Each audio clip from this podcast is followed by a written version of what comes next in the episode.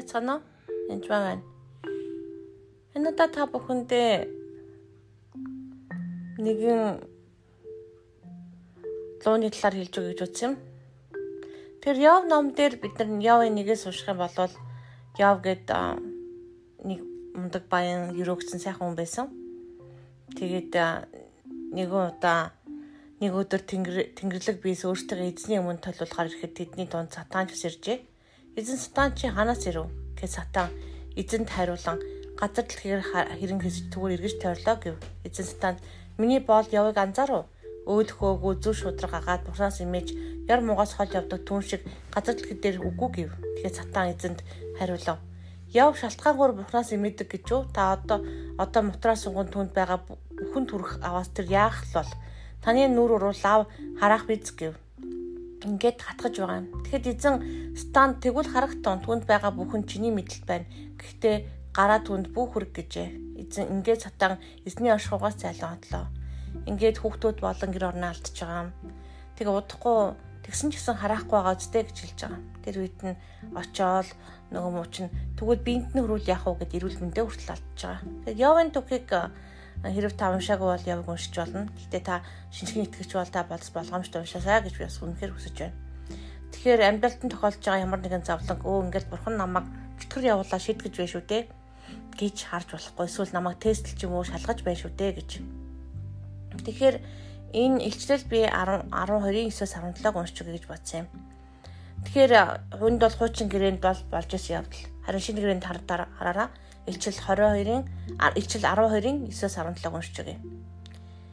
Тэнгэрт дайн болов. Михаил болон түүний тэнгэрлэгч нар луута туллаа. Луу болон түүний тэнгэрлэгч нар тулдаа тэдэнд хүч тутсан бөгөөд тэдэнд тэнгэрт байх газар олцсонгүй.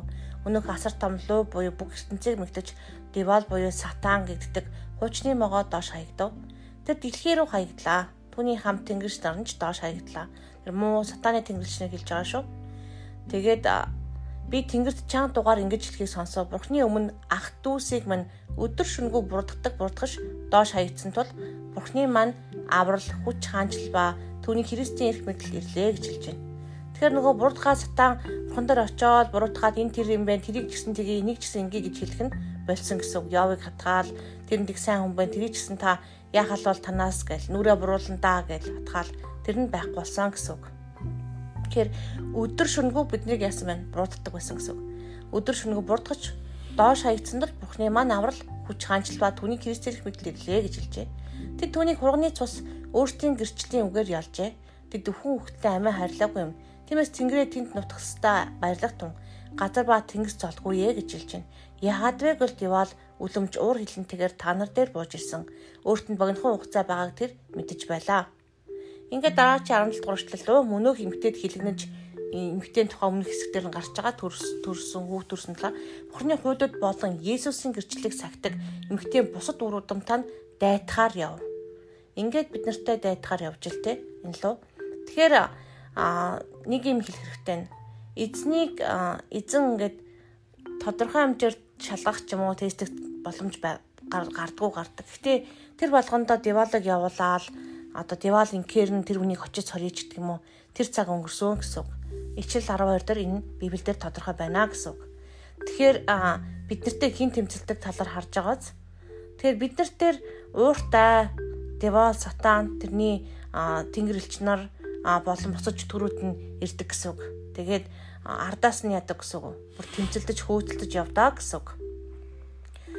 Тэгэхээр мэдээж энд энд бас айж бас болохгүй. Оо яана ингэж итгүүр чи бидний ардаас явж идэг юм би яана гэж бодож өрөөсөө болохгүй. Яагаад гэвэл бурхан бидэнд хангалттай зэр зэвсэг, хангалттай эрх мэдэл өгсөн байгаа. Бидэрт Иесус Христосийн нэрийг ашиглах болон бурханы өмч бүрэн зэвсгийг бидэнд өгсөн. Тэгэхээр үүнд үнэхээр тэр цэвэн өдөрт эсрүүлэх чадвартай байж бүхнийг үзэн бах зогсохын тулд бид бурханы өмч зэвсгийг авах ёстой.